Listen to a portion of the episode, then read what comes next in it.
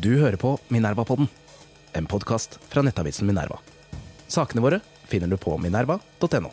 Minerva-podden er en podkast fra avisen Minerva. Det er gratis å lytte til Minerva-podden, men det er ikke gratis å lage avisen.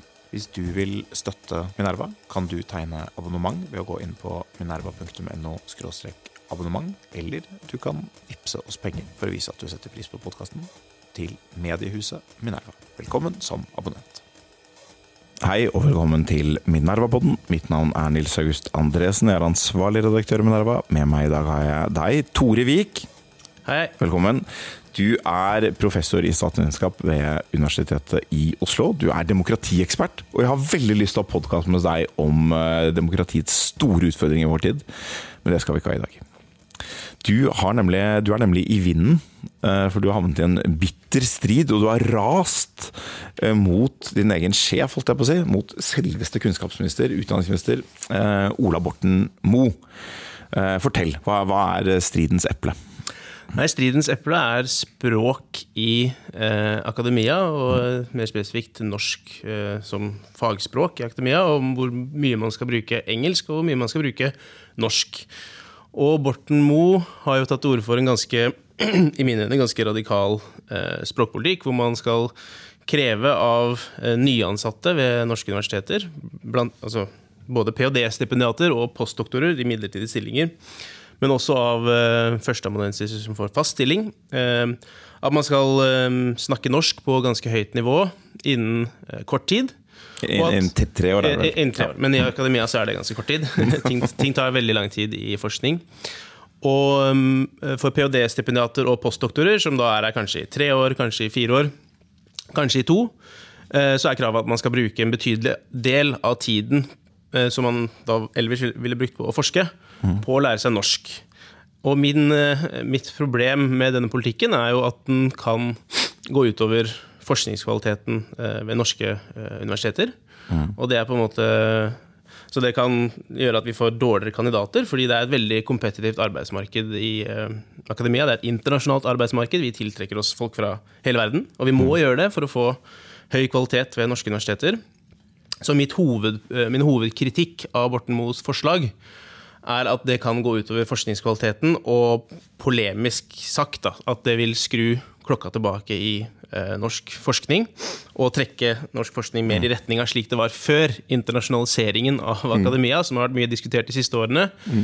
eh, hvor norske forskere eh, publiserer mer på norsk i norske kanaler, og hvor eh, man ikke tiltrekker seg internasjonale kandidater i like stor grad. Og så vil jeg bare eh, nevne dette at det handler også om dette med publisering på norsk. Mm. Altså, vitenskap er en internasjonal aktivitet hvor man sender eh, artiklene sine til eh, fagfellevurderte tidsskrift. Den største andelen av disse er på engelsk, fordi de, altså, andelen eksperter er størst mm. der det snakkes engelsk. Snart blir det kinesisk. Ja, det finnes også noen tidsskrifter på kinesisk, men de har andre problemer med sitt akademia. Eh, men Borten Moe har jo vært opptatt av at flere eh, forskningsbidrag må skrives på norsk. Mm. Og problematisert bl.a. at det skrives for få doktorgrader eh, på norsk i naturvitenskap f.eks. Og jeg mener at dette avslører en slags uvitenhet knyttet til hvordan vitenskap fungerer. F.eks. i naturvitenskap så er det helt veldig vanskelig å forestille seg at man kan opprettholde gode fagfellevurderte kanaler på norsk, og at man har nok eksperter i Norge til å evaluere f.eks. doktorgrader som er veldig spesialiserte. Nå ble det mange ting, Tore. Vi må begynne å nøste. Først kan jeg si Du er jo du er her i dag delvis fordi jeg er ikke helt sikker på hva jeg mener om dette feltet. Jeg liker å være meningssterk og slå hardt. Eh, men så er det ikke alltid jeg er helt sikker på hva jeg mener, og da er det fint å få inn noen som, eh, som har noen klare meninger. Så nå skal jeg da spille rollen som den eh, kunnskapsløse narren som skal uh, prøve å skjønne hva, hva er det Ola Borten Moe har ment, og hva, hva, er, hva, er, kritikken egentlig. Først dette med å altså, skru klokken tilbake til 1990-tallet. Uh, det er da internasjonaliseringen begynner. Mm. Det, det, det, du skriver, har skrevet om dette i, Morgenbladet, og det fremstår som en grusom anklage. og Jeg, jeg var jo i akademia, begynte på 90-tallet og kan i og for seg kjenne meg litt igjen i denne provinsielle eh, tilstanden eh, på det tidspunktet. Men det er ikke åpenbart for kanskje alle i offentligheten eh, at det er grusomt. Noen vil jo tenke dette er tiden før tellekantsystemet og, og New Public Management-ifiseringen av akademia. Da, da, vi hadde akademikere som bidro i offentligheten og var markante skikkelser. og Vi hadde Frank Aarebrot og vi hadde sant, det ene med det andre. Det var gode tider, det var en gullalder. Men denne gullalderen vil du ikke tilbake til. Kan du si litt mer om hva er det som har vært så viktig med denne internasjonaliseringen som jo for en del forskere også selvfølgelig har betydd mer konkurranse, mer stress, øh, og kanskje mindre tid til og, og til den norske offentligheten i en viss forstand, for man må konkurrere hardere om nettopp disse internasjonale publiseringene. Hva var det som var så galt med, med 90-tallet? Nei, um, en ting som jeg tenker var galt med 90-tallet, var vel kanskje altså Først må jeg si at jeg kommer fra samfunnsforskningen, og og det er på en måte mitt utgangspunkt, så jeg kan ikke uttale meg sånn kjempemye om fysikk for eksempel, eller kjemi. Men, eh, men, en del av argumentene gjelder nok også uh, i disse fagene. Men der, de har vært internasjonalisert lengre. Så matt-fagene har vært internasjonalisert lengre enn 1990-tallet. Men uh, hva er problemet? Uh, jo, det er for, for det første at forskningskvaliteten var mye lavere. Slik at argumentene som lå til grunn for denne formidlingen som alle idoliserer da, fra 90-tallet, var Eh, av lavere kvalitet. Eh, man brukte mindre tid på å gjøre skikkelige, gode analyser av eh, data, f.eks. fra Norge. Mm. Man brukte mindre tid på å sende argumentene sine til internasjonale tidsskrifter, slik at det var mye mindre input fra de fremste fagmiljøene i verden til de diskusjonene som foregikk på norske universiteter. Og så er det jo selvfølgelig sant at veldig mange um, akademikere på 90-tallet formidlet veldig mye. Men jeg er ikke helt enig i at det er, bør være opp til på en måte, den brede offentligheten å evaluere hvor god den formidlingen var. Fordi den formidlingen baserte seg i mindre grad da, på fagfellevurdert forskning eh, i gode kanaler enn eh, det formidling gjør i dag. Og jeg tenker at Fagfellevurdert forskning må ligge til grunn for all eh, vitenskapelig formidling. Selv om Eh, noe formidling som ikke er basert på fagfellevurdert forskning, kan virke veldig appellerende. Mm. Som f.eks. Frank Aarebrot, som hadde veldig veldig mange eh, ting han formidlet om. og Jeg har veldig stor respekt for han og syns han var en fantastisk formidler. Men det er også viktig å få frem at i dag formidles det jo veldig, veldig mye. Mm. og nyere rapporter, bl.a. fra, fra Engvild Reimert, mener jeg å huske, hun har skrevet om dette indikerer jo at de forskerne som er mest involvert i internasjonale fagmiljøer, også er de som formidler mest. Mm. Eh, på norsk og på engelsk. Mm. Slik at jeg tenker ikke at det er en motsetning nødvendigvis mellom formidling og god forskning. Du, du mener det ikke er noen akutt mangel på synsing i, eh, i, norske medier i dag? Nei, og jeg tror nok eh, Nei. Heller ikke fra akademia. heller ikke fra akademia. Og jeg tror det er viktig å huske på at det var færre formidlere før, for det var færre ansatte på universitetene. Mm. Og fagene var mindre spesialiserte. Så, du, så dess lenger tilbake i tid du går, dess mindre spesialiserte er fagene, så man kan formidle om mye mer. Og nå er det på en måte mye flere eksperter som kan formidle om litt mindre temaer. Men det betyr jo ikke at formidlingsmengden har gått ned, bare at det er flere som er spesialister på litt forskjellige mm. ting. Flere, så Frank Aarebrot er nå eh, 1000 forskjellige eksperter. da. Noen av oss som er konservative, vi er jo glad i dem som formidler også, i og for seg utenfor sine fagfellevurderte områder. og Jeg skjønner at du ser noen utfordringer i det, men jeg er i hvert fall glad for at du gjør det her i dag. For nå, for, nå formidler du på et felt som ikke er ditt forskningsfelt. Og det, det, er viktig at man kan, kan, gjøre det. Men du, eh, altså, det er jo ikke bare Morten Moe som har kommet, Han har ikke suget dette helt av eget bryst, selv om det selvfølgelig ligger Senterpartiet nær, og sånn, men det er jo et utvalg som, som står bak en av disse forslagene, som ser nettopp på, mm. på norsk fagspråk. og, og la oss måtte, for for jo, jeg, det, jeg tror det er ganske lett å skjønne at du har et poeng når du sier at hvis man stiller dette som et krav, mm. uh, og generelt stiller krav om mer norsk i, i akademia, så, så, vil det gjøre norsk akademia mindre attraktivt for en del mm. internasjonale kandidater. Det vil bli færre ikke bare eh, engelskmenn og amerikanere, men også si, kinesere, som det er ganske mange av, og, mm. uh, og andre. Så, så, det vil føre til at forskningskvaliteten svekkes på, si på noen parametere, helt åpenbart. Men hva er det som ligger i den andre vektskålen? Det er på det vi mm. må også mm. snakke om. For hadde det bare vært hensyn til, til forskningskvalitet som, som, lå der, så hadde, ikke, så hadde ikke dette spørsmålet dukket opp. Men utvalgets bekymring det er jo at eh, hvis norsk fagspråk blir borte, eh, så svekker det si, forskernes evne til å formidle dette i en norsk kontekst. Fordi begrepene finnes ikke på norsk, og norsk offentlighet vil ikke være i stand til å, å diskutere tingene presist. Eh, og det, eh, det er liksom den ene biten av det. Og det andre er at hvis det ikke formidles faglig altså det, det kan hende det er overdrevet, men at hvis det ikke formidles hvis det ikke skrives faglig på norsk, så vil det være mange ting som ikke er tilgjengelig på norsk. Og så kan man si at man håper at alle nordmenn er i stand til å lese fagfellevurderte artikler på engelsk, men realiteten er kanskje at, ikke, at, nordmenn er litt dårligere i engelsk enn vi ofte tror at vi er. Mm. Så selv om de som, publiser, publiserer, de som uh, publiserer, mest, også formidler mest, så kan det hende at hvis for mye av den formidlingen er på engelsk, så kommer de ikke ordentlig inn i den norske offentligheten. Mm.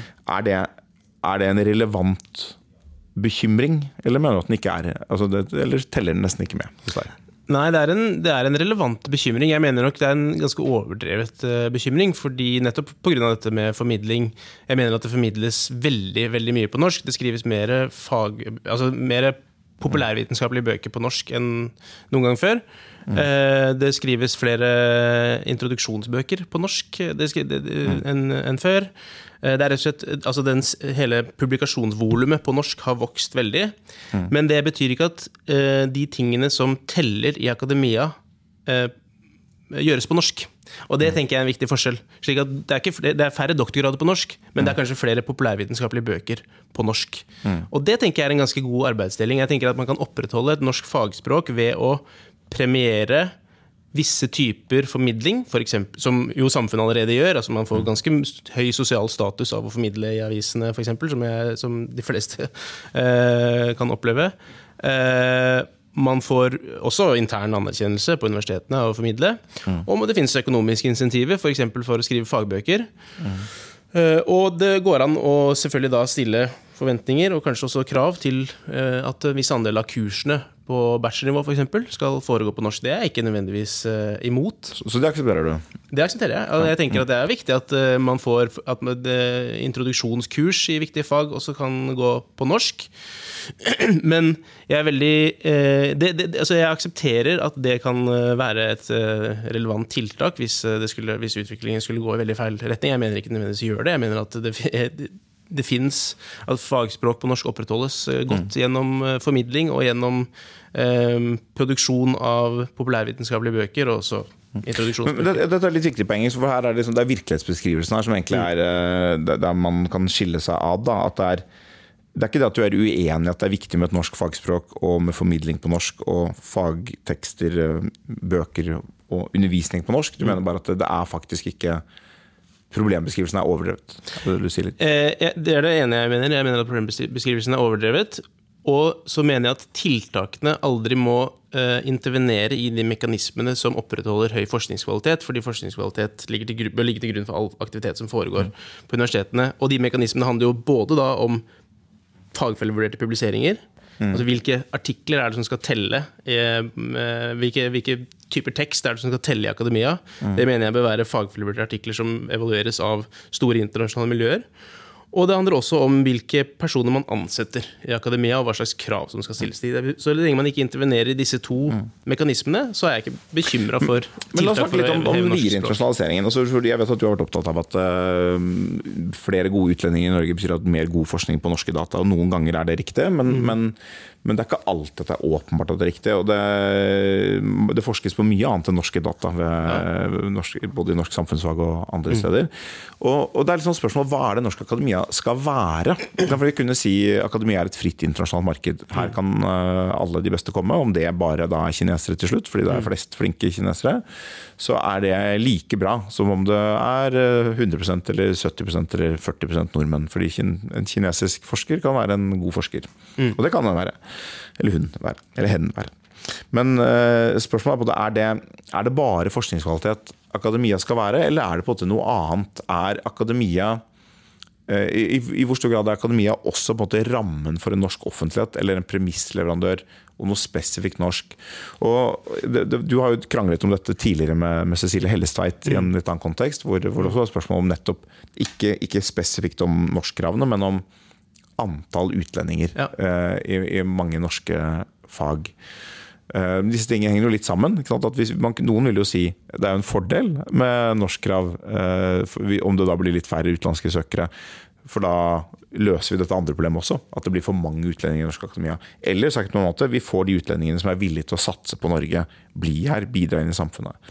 Eh, bare for å avslutte, fordi En diskusjon som av og til kommer, er at det er viktig med gode norske forskere fordi de bidrar inn i norsk næringsliv og norsk uh, offentlighet med sin mm. høye kvalitet. Men vi vet at det er mange som drar videre også. Mm.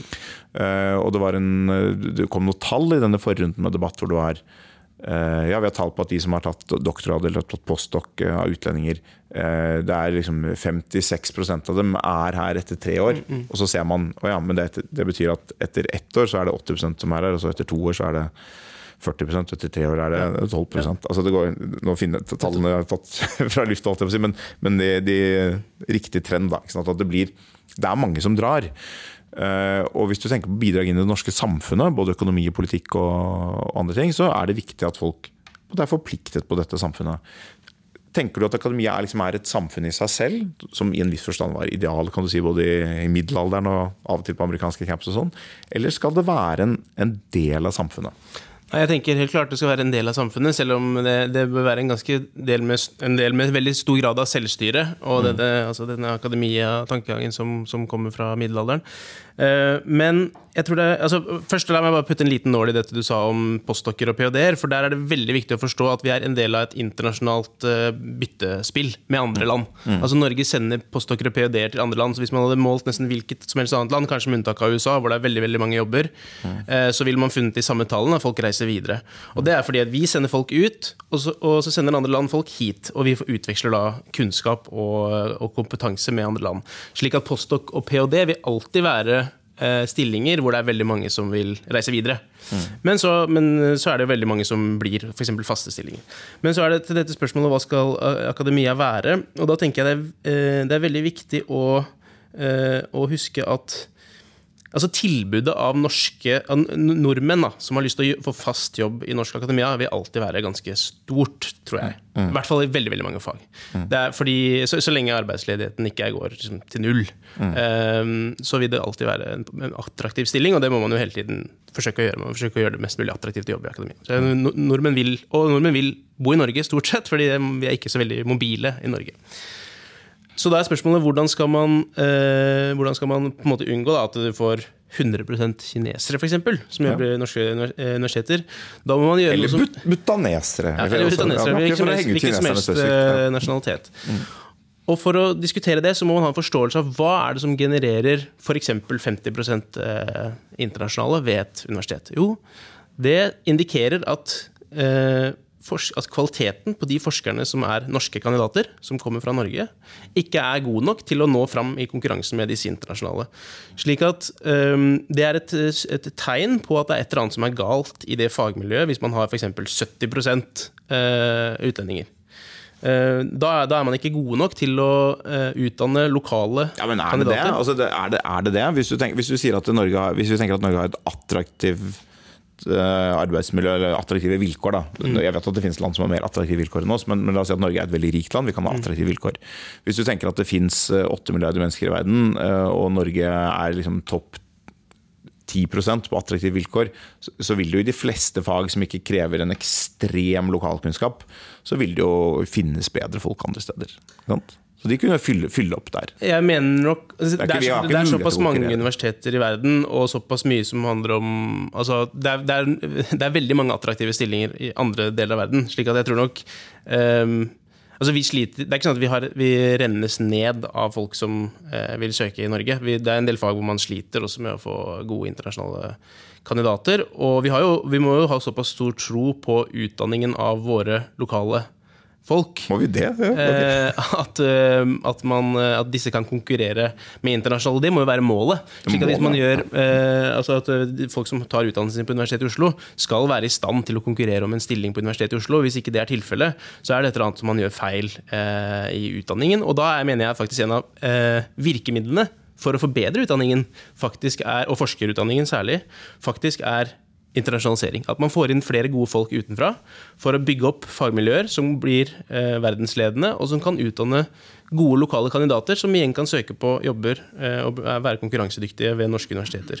Så jeg er ikke, jeg er ikke så veldig bekymret. Man må forstå på en måte den mekanismen som genererer store andeler internasjonale, og jeg er ikke veldig bekymret for stor andel internasjonal eh, på sikt eh, i norsk. Jeg tenker det er en eller annen balanse. Jeg vet ikke hva andelen bør være. Men Ja, bør man ikke ha en formening om hva balansen eh, når det eventuelt blir et problem? Eller er det Så hvis, hvis, eh, hvis andelen er generert av for svak forskningskvalitet hos eh, norske kandidater, så er det ikke nødvendigvis et problem Men, men at det er, det er mange nesten internasjonale. det er et utfall. det er, det, det er vanskelig å, å kvantifisere hva som er for dårlig utdanning. Altså jeg er sikker på at Ja. norsk utdanning i en eller annen forstand er for dårlig, men, men, men det, det blir jo en relativ term da, å si at den er dårligere enn den er hos de utlendingene som søker. Men det er jo sånn at altså, Jeg er enig at det finnes masse gode universiteter rundt omkring. Jeg er enig at vi, vi får aldri de beste internasjonale søkerne. De drar selvfølgelig til toppuniversiteter i USA, og England og kanskje Kina og kanskje India. Men, men det finnes så mange gode. ikke sant? Hvis du tenker at én ting handler om utdanning, men det er noe som også handler om evner.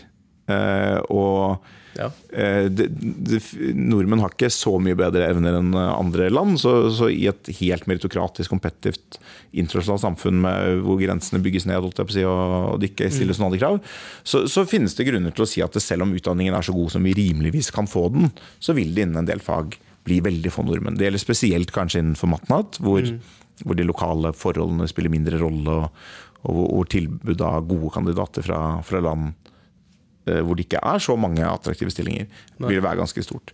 Mens innenfor samfunnsfagene vil det kanskje være noe færre. Men, men eh, da er på en måte spørsmålet er, det noen, er det noen grenser hvor vi sier at eh, her blir bidraget til, til samfunnet og til norsk offentlighet for lite? Og du sa det at det, det, og det, dette var også diskutert i forrige runde, inkludert av disse tallene fra Ingvild Reimert. men det, det, er, det finnes internasjonale, som bidrar i altså internasjonale ansatte som, som bidrar i offentligheten her, men på en del viktige områder så er det færre. Det er, det er, hvis du ikke snakker godt nok norsk til å undervise på norsk, da, så snakker du for heller ikke godt nok norsk til å komme på denne podkasten og, nei, diskutere temaet. tema. Så det er en sånn bli, bli, kommer i en sånn rolle hvor altså noen, noen gjør begge deler. Du publiserer jo selvfølgelig på, på toppnivå internasjonalt også. Men kan vi havne i en sånn situasjon hvor nordmenn på en måte reduseres til slags formidlere? Eh, av en sånn elite av utenlandske professorer? Ja, eh, jeg, jeg, tror det er viktig å bare påpeke, å bare påpeke det som eh, Eller vektlegge da, det du nevnte. At det, jo, det handler jo ikke om andelen utlendinger versus personer med norsk etnisk bakgrunn. Det handler om deres grad av tilknytning til samfunnet og bidrag inn i samfunnet. sant? Og språk. Og, og jeg tror nok at de som og det, det, det mener jeg også statistikken viser, at de fleste som blir som er fast ansatt ved norske universiteter, og som blir her, de etablerer familie her osv., de lærer seg jo språket. Så jeg mener jo at dette, disse språkkravene kanskje er litt eh, overdrevne, og at det er kanskje litt mer symbolpolitikk enn egentlig enn det som Men kunne man, da, kunne, du, kunne man tenkt seg et, et, noen kompromisskrav? holdt jeg på å si? Man, altså, hvis du sier at Sånn som du fremstilte nå. Innen tre år skal man lære norsk, og det skulle gjelde for ph.d.-er og, og postdokker også. Og de er jo mobile, og da, da er den investeringen veldig kostbar hvis man Ja. skal gå videre. Men hvis man eh, hadde måte eh, hatt et språkkrav, men reduserte noe i hvem det gjelder, og akkurat hvordan du er utformet, vil du være mer positiv til Altså, Ser du verdien av at man institusjonaliserer betydningen av tilknytning til Norge? Jeg ser verdien av å ha noen forventninger da, om uh, f.eks. språk, men det å ha veldig rigide krav som ikke er lokalt tilpasset, det er jeg nok litt mot. Og så tenker jeg at det er også viktig å se konkrete tiltak i, som en del av en helhet. Så jeg tenker at eh, Borten Moe sin på en måte pakke av språkkrav mener jeg er problematisk, ikke bare fordi hvert at en del av disse enkelttiltakene er problematiske i seg selv, men fordi det er en pakke av tiltak som på en måte sender et signal om at internasjonaliseringen av forskningen i Norge har gått for langt. Slik at eh, helheten er ganske viktig her. Men jeg er ikke imot å ha forventninger og normer knyttet til dette med å lære norsk, og de tenker jeg opprettholdes av ganske andre mekanismer enn å enn å innføre en forskrift da, om at uh, internasjonale ansatte må ha Men La meg ta et eksempel på den undervisningen, for det er jo interessant. Det er jo sånn i dag at det er veldig mange kurs som undervises på engelsk. Eh, noen, noen ganger så er det jo eh, nordmenn som underviser på dårlig engelsk for stort sett andre nordmenn som også snakker eh, for dårlig engelsk, men det er kanskje én eller to utlendinger der. Eh, og det minner meg om den der Odd Børresen-sangen hvor han snakker om uh, amerikanske krigsfilmer. eh, der japanerne var så dumme at de snakket dårlig engelsk selv når de snakket med hverandre. Ja. For det gjør de alltid på amerikanske filmer. Eh, og, det, og, og det er følelsen man av og til får på akademia. Og jeg tror en omkostning som man ikke Som jeg lurer på hvordan du tenker om, som jeg mener er ganske viktig for oss å forstå undervisningskvalitet, det er undervisning på dårlig engelsk. Eh, men det er et problem. Og det er et stort problem med, med utland, altså internasjonale eh, internasjonale ansatte som ikke har engelsk som morsmål. Så kan du si at de ville ikke undervist noe bedre på norsk. Det ville de selvfølgelig eh, ikke gjort. Men det viser på måte problemet ved at språk ikke tillegges nok vekt. Altså her, I dette tilfellet enten av engelsk eller norsk. Men nordmenn som underviser på engelsk, det kan gi dårlig kvalitet. Men det kan også gi dårlig kvalitet når engelskmenn og amerikanere underviser på godt engelsk, fordi nordmennene ikke skjønner engelsk godt nok. Eh, og så kan man si det burde de selvfølgelig gjøre, det kan man jo mene, men, men det er på en måte et uh, Det er en omkostning der som også påvirker læringsutbyttet. Eh, hva, hva tenker du om, om den, hele den Nei, det, det tenk, der, der tenker jeg jeg, jeg skjønner det dilemmaet og ser at det kan være en uh, viktig kostnad. Men da må man alltid veie det opp med kvaliteten på innholdet som den personen eh, Og også kvaliteten på den personen da, som gir undervisningen. Så, slik at uh, jeg er litt usikker på om det er bedre å ha en norskspråklig middelmådig eh, professor som gir et kurs på norsk, enn er å ha liksom, en av verdens fremste forskere på akkurat dette feltet som gir det samme kurset på engelsk. Mm. selv om personen kanskje ikke er, eh, engel, har engelsk som morsmål. Og du da mister en del i oversettelsen. Så slik at man må variere Altså Man kan ikke variere språk helt uavhengig av andre ting. Man må også variere på en måte forskningskvaliteten og eh, kompetansen til den personen som underviser, når man gjør disse tankeeksperimentene. Ja, ja, ja, jeg- jeg, jeg, jeg, det vil, så spørsmålet er på det hva som spiller mest rolle i ulike sammenhenger. Fordi ok, Kvaliteten vil gå litt ned hvis du stiller disse kravene som ønsker. Men jeg har hatt undervisning på dårlig engelsk fra, fra kinesere på, på relativt høyt akademisk nivå. Jeg vil si at Det er veldig veldig vanskelig Veldig vanskelig å følge. Eh, Og Det er jo kompliserte ting allerede i utgangspunktet. Men det er ikke unik altså det er jo ikke sånn i, i, I sånne tilfeller vil jeg tenke forskjellen i eh, kvalitet på hvordan du formidler si grunnleggende, ikke grunnleggende da, men avansert teori på doktorgradsnivå, den er ikke så stor, for det er jo kjente ting. Det er ikke, mm. de underviser ikke om sin egen banebrytende forskning som ingen andre har tilgang til. Det er ganske sjelden man gjør på kurs. Eh, Så det kan godt hende de forsker veldig bra, men jeg tenker at det er en reell omkostning. På masterkurs er det kanskje eh, På masterkurs, doktorgradskurs er det nok mer forskningsnær undervisning. Ja, da, er. Nå snakker jeg om doktorgradskurs. Eh, ja, ikke sant? Der tenker jeg det er mer forskningsnær undervisning. Eh, slik at Der er det nok behov Der tenker jeg at verdien av å ha toppforskere er eh, større enn verdien av, ha, eh, av språk. Men la oss spørre, hvorfor er det så viktig å ha toppforskning i Norge? Hvis du tenker For, for verden da, ikke sant? For verden kunne jo disse forskerne hatt et annet sted og vært like flinke. Men hva er det som er viktig for Norge? Ikke sant? For Noen ganger er det viktig å forske på norske data, men er det viktig hvorfor er det viktig? Dette er sikkert her ville Borten Moe og du sikkert være litt uenig, men, men hvorfor er det viktig at Norge har den beste forskningen på matematikk? Er det ikke minst, Ville ikke Norge som samfunn vært eh, tjent med at det var eh, si, tilknytning til Norge vilje til å la denne forskningen flyte over i norsk næringsliv, eller ville, evnen til å bidra i norsk offentlighet, at det var mer sentralt. Hvorfor er det så viktig at toppforskningen i matematisk, topologisk teori eller et sånt, at den skjer her og ikke på Harvard? Nei, altså jeg tenker jo at eh, vi, For det første så har vi jo ikke den beste Vi har jo ikke den beste forskningen. Vi har jo vi må, vi har forskning som blir så go- god som mulig. Eh, og da tenker jeg hva hva er verdien av å prøve å lage institusjoner som, eh, som tiltrekker seg så gode som mulige forskere vi kan få. Jo, verdien av det er jo at eh, vi konkurrerer med andre land, f.eks. når det gjelder innovasjon. eh, altså Næringslivet kan ha altså når det gjelder teknologi eksempel, har behov for veldig avansert matematikk. Um, og det er på en måte en, en kunnskapspyramide hvor alt flyter nedover fra toppen. Uh, slik at jeg er uenig i premisset på en måte om at uh, ja, det, disse matematikerne kan like godt være på Harvard, fordi det er jo ikke gitt hva de bidrar med til samfunnet uansett. Det, det kan vi ikke vite nødvendigvis. Og det er ofte slik at kjempestore bidrag til samfunnet kan genereres uh, av meget uh, esoteriske, uh, teoretiske kunnskaper. Så, så du, men, men, men så du tenker at det at det skjer på norske universiteter, gir et betydelig bidrag spesifikt til det norske, men ofte spesifikt til det norske samfunnet, selv om disse folkene ikke har så sterk tilknytning til Norge. Så Det at det skjer her, det har store ringvirkninger i det norske samfunnet. For da kan, vi, da kan disse menneskene da, som er verdensledende, undervise eh, norske studenter. Noen, en del av de vil jo være norske, og, gå tilbake som, og også internasjonale, som går inn i det norske samfunnet. Og få da veldig veldig høy kvalitet på undervisningen. På doktorgradskurs for eksempel, eller på masterkurs. Og bli eh, viktige kunnskapsaktører i norsk næringsliv eh, osv. Ok, vi, må, vi skal begynne å gå inn for landing, eh, Tore. Vi må oppsummere med at det er, det er for mye synsing og formidling som det er. Vi trenger ikke flere. Det er store bidrag fra alle de internasjonale forskerne, så det er ikke noe problem. Og, men du vil ikke ha 100 kinesere. Det er liksom min foreløpige oppsummering. 100% Kinesere, det er for mye. Jeg har ikke noe preferanse for nasjonalitet. Det avhenger helt av hvilken, hva er det som har generert eh, fordelingen. Jeg er ikke så opptatt av utfall, jeg er opptatt av hva er det som har generert fordelingen. Ja. Uh, hva hvis det blir 100% menn? Det er jo diskusjon nå. Der er jeg nok litt mer skeptisk. Å ja. Akkurat.